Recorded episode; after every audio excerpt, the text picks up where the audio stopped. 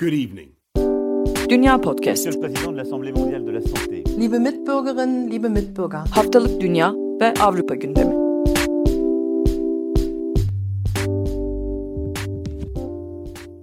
Herkese merhaba. Dünya Podcast'a hoş geldiniz. Ben Akın Art, Nida Dinçtürk ve Seda Karatabanoğlu ile birlikte bu haftada sizler için Avrupa'nın gündemini değerlendireceğiz. Avrupa gündemi bu sıralar oldukça hareketli. Aslında Amerika'da başlayan bir tartışma var. ABD Başkanı Joe Biden'ın Covid-19 aşılarının patentinin kaldırılması ile ilgili açtığı bir tartışma var. Hem bunun yankıları oldu Avrupa ülkelerine hem de Avrupa ülkelerinin kendi gündemleri hali hazırda zaten var ve devam ediyor. Ben ilk sözü tartışmalar için Fransa'ya ve Seda'ya bırakayım. Merhaba. Nasıl başlayacağım? Hazırlıksız yakalanmış gibi. Aa ben mi? evet biraz öyle oldu. Notlarımı okuyorum. Sunumsuz mu yakalandım? Ya- yayında mıyız diye. Ee, küçük bir espri yapıp konuya geçmek istiyorum. Ee, patent gündemini aktarmadan önce çünkü Macron da buna dair çok net açıklamalar yaptı. Fransa, e, Türkiye'den Fransa'ya gelecek yolcular için e, Fransa e, belli kurallar açıkladı. Normalde Hindistan, Brezilya gibi e, Güney Afrika'nın bazı ülkelerinde e, varyantların yoğun olduğu bölgelere uçuş yasağı uyguluyordu Fransa. Belli sebeplerle Fransa'ya giriş yapabiliyordunuz ve geldiğinizde karantinaya girme durumundaydınız. İki gün önce yeni bir liste açıklandı ve Türkiye'de bu listede yer alıyor. Bugün de e, Paris Büyükelçiliği bir e, duyuru yaptı sosyal medya hesabından. 10 Mayıs 2021 e, tarihi itibariyle Türkiye'den Fransa'ya transfer ve transit yolcular dahil 11 yaş ve üzeri herkesin uçuş saatinden 36 saat e, önce e, yapılmış bir PCR testinin negatif olması e, şartının arandığını ya da uçuş saatinden 72 saat önce yapılmış negatif sonuçlu PCR testi ile e, uçuş saatinden 24 saat önce yapılmış negatif sonuçlu antijen yani anlık olarak o an COVID-19 virüsünü taşıyıp taşımadığınızı belirten antijen testi ibra- ibraz etmeniz gerekiyor. Ve yine Türkiye'den Fransa'ya seyahat ettikten sonra ülkeye girişte belirteceğiniz bir adreste ev ya da otelde 10 gün boyunca zorunlu karantinaya girmeniz gerekiyor. Ancak karantinada olanların nasıl kontrol edildiği ya da kontrol edilip edilmediğine dair e, herhangi bir açıklama ya da bilgi yoktu e, basında. Akın'ın da e, programı açarken söylediği gibi aşıya dair, aşının patentine dair e, açıklamalar geldi. Amerika Başkanı Biden patentin kaldırılmasından yana olduğunu söylemişti. Macron da Perşembe günü e, bir aşı merkezi açılışında konuştu ve patent koruması konusunda küresel bir feragattan yana olduğunu söyledi ve e, Biden'ı desteklediğini söyledi. Yine Macron aşıya dair de önemli açıklamalar yaptı. Şu an Fransa'da 55 yaş üzeri kişiler aşı olabiliyor. Bu sınırı 50 yaş altına 10 Mayıs itibariyle çekeceklerini söylediler. Daha önce bunu daha ileri bir tarih olarak açıklamışlardı. 10 Mayıs'a çektiler. Yine 12 Mayıs itibariyle yaş sınırı olmadan herkesin aşı olabileceğini söyledi. Ancak burada önemli bir detay var. Normalde 15 Haziran itibariyle 18 yaşından büyük herkesin aşı olabileceğini, randevu olabileceğini söylemişti Macron geçen hafta. Bu açıklamasından sonra aşı merkezlerinde, eczanelerde ve doktor kliniklerinde çok fazla aşı kaldığını, insanların bu aşıyı olmak istediğine dair sosyal medyada belli kampanyalar vardı. İnsanlar sürekli şikayetlerini dile getiriyordu. Macron bunu e, ciddiye aldıklarını söyledi ve 12 Mayıs itibariyle yaş sınırı olmadan herkes bir sonraki güne kalan aşıları olabileceğini söyledi. Yani e, geceden çevrenizdeki aşı merkezlerini kontrol edip eğer bir aşı mevcutsa siz randevu alabiliyorsanız ertesi gün hemen gidip aşı olabileceksiniz. Böyle bir gelişme var. Fransa'da e, yine Avrupa Birliği ile ilgili bir gündem aktarabilirim. Portekiz'in Porto kentinde Avrupa Birliği Sosyal Zirvesi düzenlendi e, geçtiğimiz günlerde. E, 27 ülkenin liderleri katıldı. Tabii ki zirve gündemi Covid-19'un etkilerini azaltmak, iş imkanları, yolsuzluk, eşitsizlik gibi konulardı.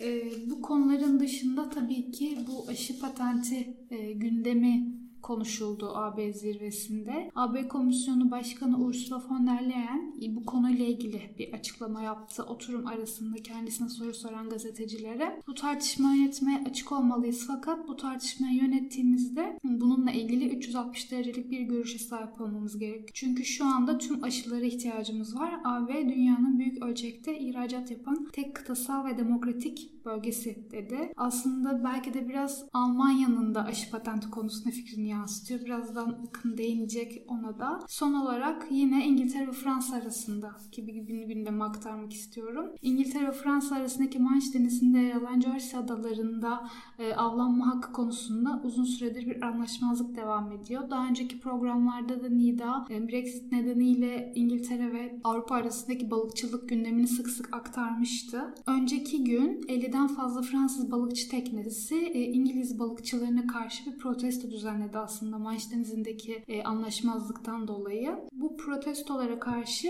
e, büyük bir İngiliz balıkçı teknesi Fransız balıkçı teknesini çarpma hamlesiyle bölgeden uzaklaştırdı. İki ülke arasındaki bu avlanma hakkı aslında uzun süredir tartışma konusu. Ee, balıkçılar Brexit'ten sonra Fransız denizcilere uygulanan balıkçılık şartlarını ve balıkçılık alanlarının erişiminin kısıtlanmasını protesto ediyorlardı. Ee, İngiltere'nin e, lehine bir anlaşma yapıldığını söylüyorlardı e, Manş Denizi'nde yapılan balıkçılıkla ilgili. İngiltere Brexit sonrası yapılan anlaşmada Fransız gemilerine özellikle Jersey'ye balıkçılık izni vermek için öngörülemeyen şartlar getirmişti.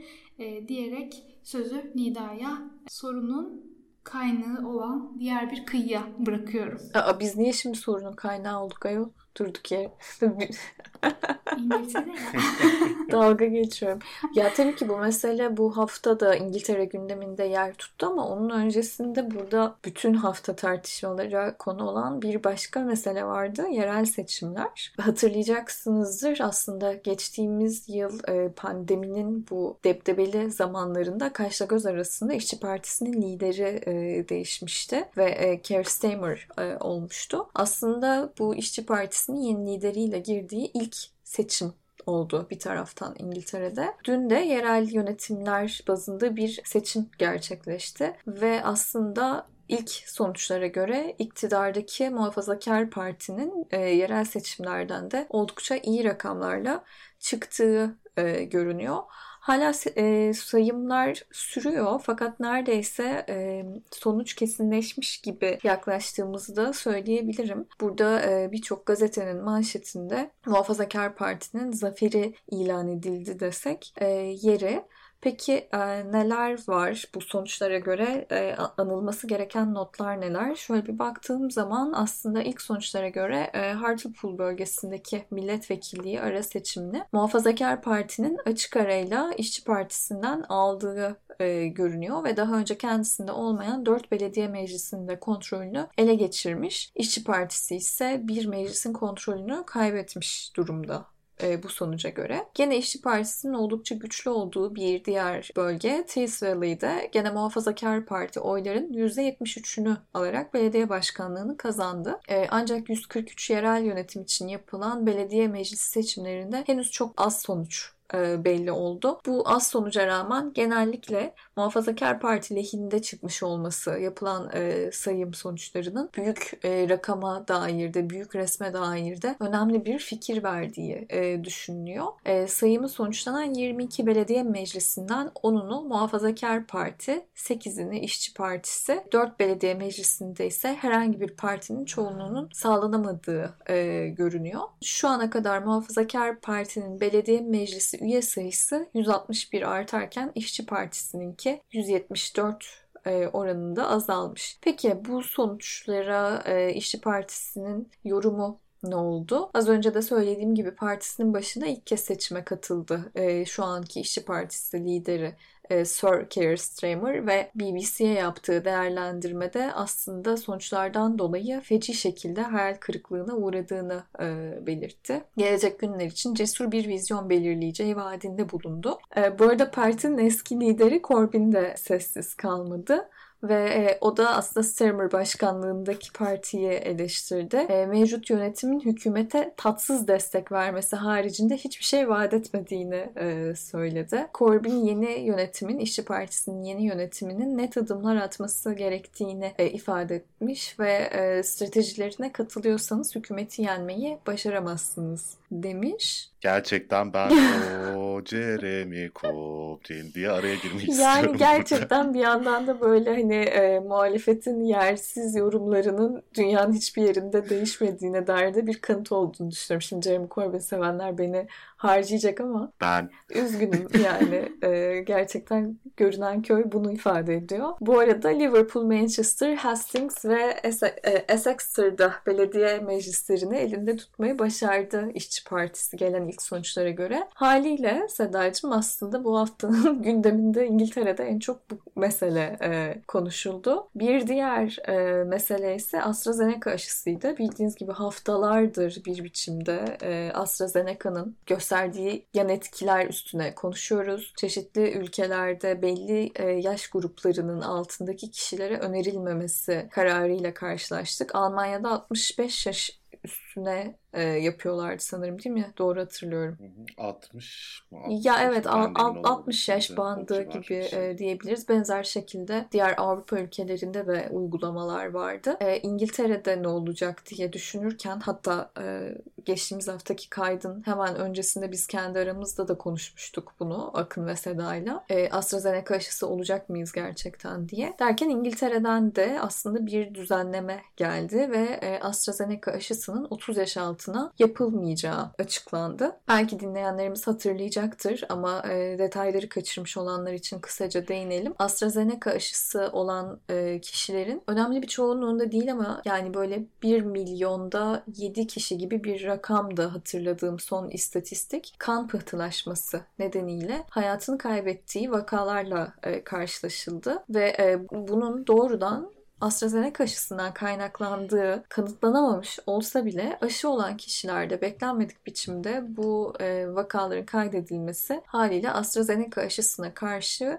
bir tutum geliştirdi. Bu nedenle de devletler e, kontrollü biçimde AstraZeneca aşısının yapılmaya devam etmesine e, uğraşıyorlar. Şu an bu yönde bir politika geliştirdiler. Günün sonunda aşının menşei olan ülke İngiltere'de benzer biçimde bir tutum geliştirdi. Bununla beraber İngiltere'nin gündemini çok meşgul etmese de en azından burada yaşayan e, Türkiye'lilerin gündemini oldukça meşgul eden bir başlık. Türkiye'nin kırmızı listeye dahil edilmesi e, İngiltere tarafında. Bu ne demek? 10 gün otel karantinası uygulanan e, ülkeler arasına alındı Türkiye. Yani herhangi bir biçimde Türkiye'den İngiltere'ye dönen, gelen kişiler burada maliyeti yaklaşık 1750 sterline tekabül eden otel karantinasına girmek zorunda zorundalar ve bu masrafları da seyahat eden kişiler karşılıyor. Bunun alternatifi yok. Herhangi bir evde kalmayı vaat etmeniz söz konusu değil. Zaten ev karantinası normal biçimde devam ediyordu. Ee, İngiltere'ye e, yurt dışı uçuşlarla gelen kişiler için. Fakat riskli ülke olarak görünen ve kırmızı listede yer alan ülkeler maalesef ev karantinasıyla atlatamıyorlardı bu durumu. Nitekim yükselen vaka sayıları ve e, yeni varyantların kaydedilmesi üzerine Türkiye'de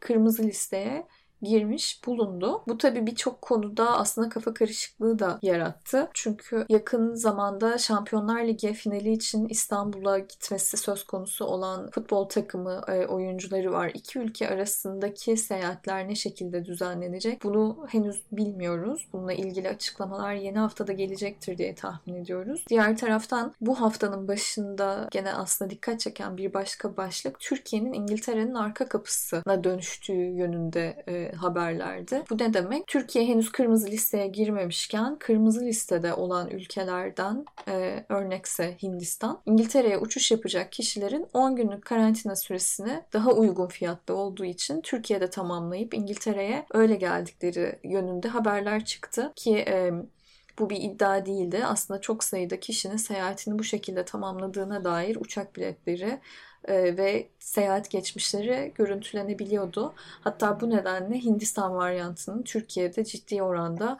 artış gösterdiği ve Türkiye'nin de şu an e, bulunduğu son karantina koşullarını bu yüzden gündeme getirdiği bile e, konuşulanlar arasındaydı. Haliyle aslında geride kalan hafta İngiltere için hareketli bir başka haftaydı. Bakalım yeni hafta hem e, yerel seçim sonuçları hem de bu seyahat kısıtlamaları adına bize e, neler getirecek. Biz de merakla bekliyoruz. Biraz tükenmişlikle de olsa hala merakla bekliyoruz açıkçası. Almanya'da neler oluyor Akın? Ya bir Kobrin geyi daha yapayım mı? Geçeyim Yap hadi yap içinde kal. soruyorum. Ben öncelikle Kobrin eleştirilerinden dolayı Nida Geçtük'ü kınayarak başlamak istiyorum.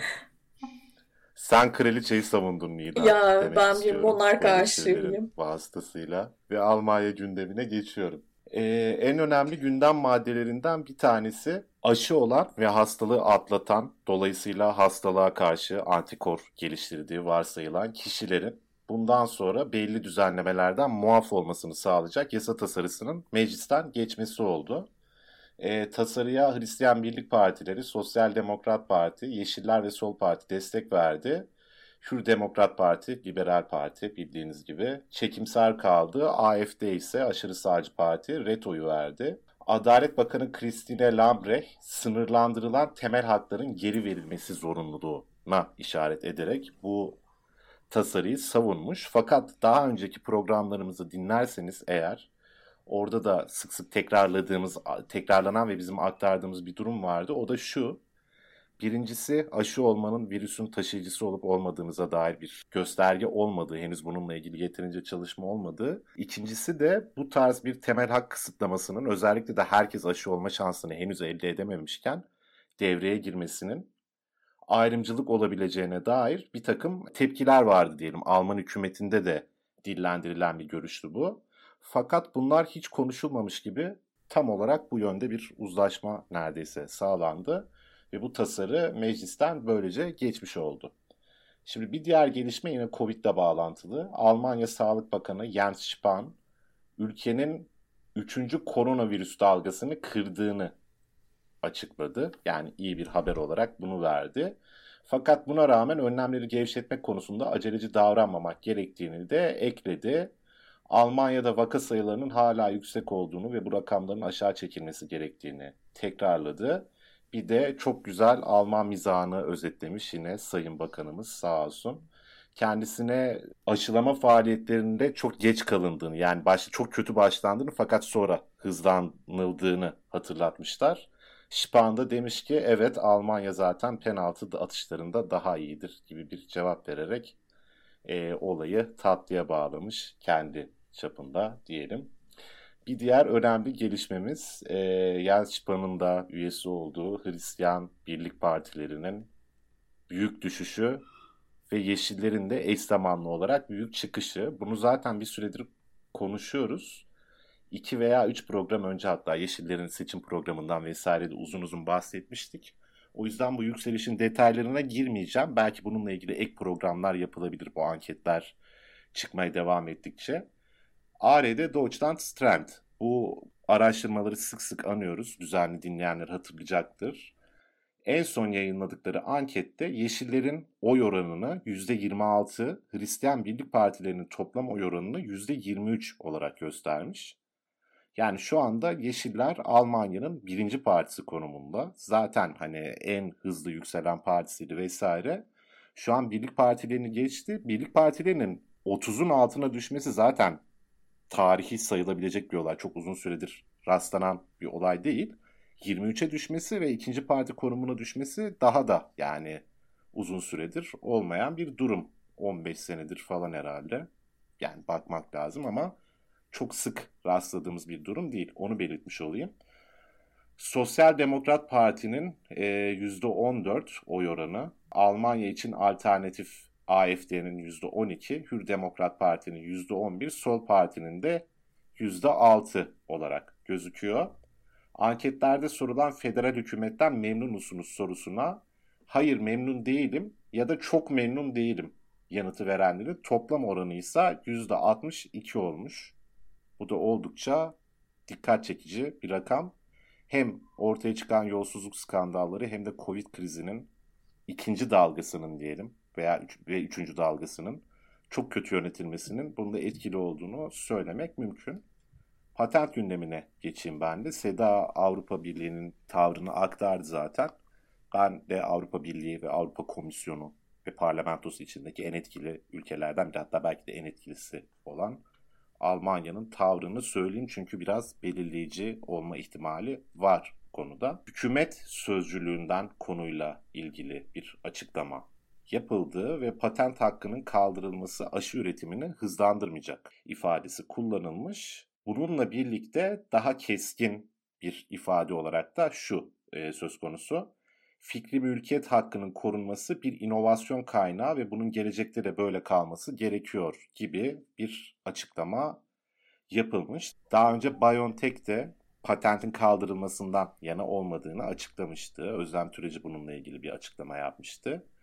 Von der Leyen'ın açıklamalarını Seda aktardığı için zaten tekrar girmiyorum. Avrupa Birliği'nden nasıl bir karar çıkacak göreceğiz. Çünkü ABD burada aşının dağıtımına dönük bir hızlandırma yapmak için bir taktik e, el yükseltme mi yapıyor şirketleri belli şeyleri ikna etmek için?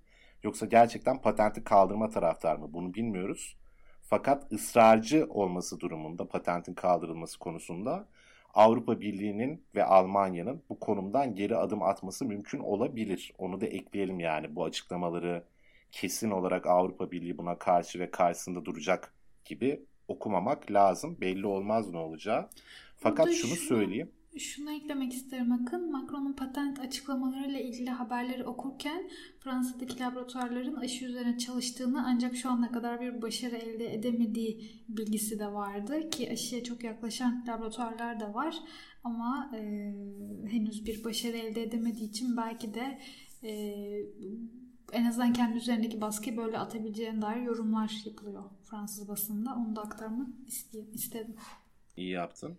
Ee, Biden'ın açıklaması biraz şöyle bir etki yarattı yani siyasal iklimde. Liberallere ABD başkanı şoku gibi bir durum ortaya çıktı yani.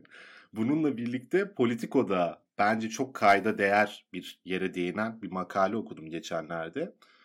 Diyor ki Joe Biden Avrupa Birliği'nin bütün ahlaki zeminini yerle bir etti. Yani Avrupa Birliği ve Avrupa değerleri hep bir ahlaki vaaz olarak verilir bilirsiniz işte insanlıktan yana, eşitlikten yana vesaire diye. Patent mevzusunda Avrupa Birliği'ni bu konuma düşürerek ahlaki zeminini yok etti Joe Biden Avrupa Birliği'nin yorumları yapıldı. Bunu da belirtmiş olayım. Gerçekten ABD'nin burada böyle bir taraf alması, Avrupa Birliği'nin de böyle bir taraf alması ya şaşırtıcı değil belki ama çok da alışık olduğumuz bir durum değil. Onu da belirtmiş olayım. Benim aktaracaklarım bu kadar Almanya gündeminden. Sizin eklemek istediğiniz bir şeyler var mı? Benim yok.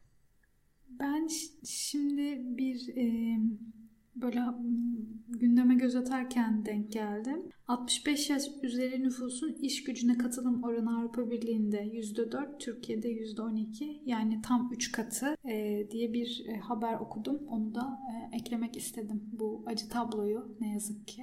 Maalesef. Nida sen kraliçe savunmak veya başka bir şey söylemek Gerçekten istersen. artık terbiyesizlik bu yaptığın Akın Art. Gerçekten. O zaman Daha Dünya Podcast'in e, şey muhabiri olacak. Ay kraliyet ben muhabiri zaten olacak. Flash TV gibi haber aktarmaya başladım. Bence daha şansınızı zorlamayın yani. Yakında kraliçeyi savunmak için incilerimi takarak geleceğim yayına. ne yazık ki ben Doğu Perinçe'ye dönüşüyorum. Nida Flash TV muhabirine bu şekilde Seda devam edeceğiz. korursa eğer kurtarabiliriz yani. Çok güvenmiyorum kendime. Bu konuyu kapattıktan sonra Evet. konuşabiliriz. Ee, sevgili dinleyenler sizin de hissettiğiniz gibi artık dünyanın gündeminden biz yıldık. o yüzden artık pek haber aktarasımız da yok.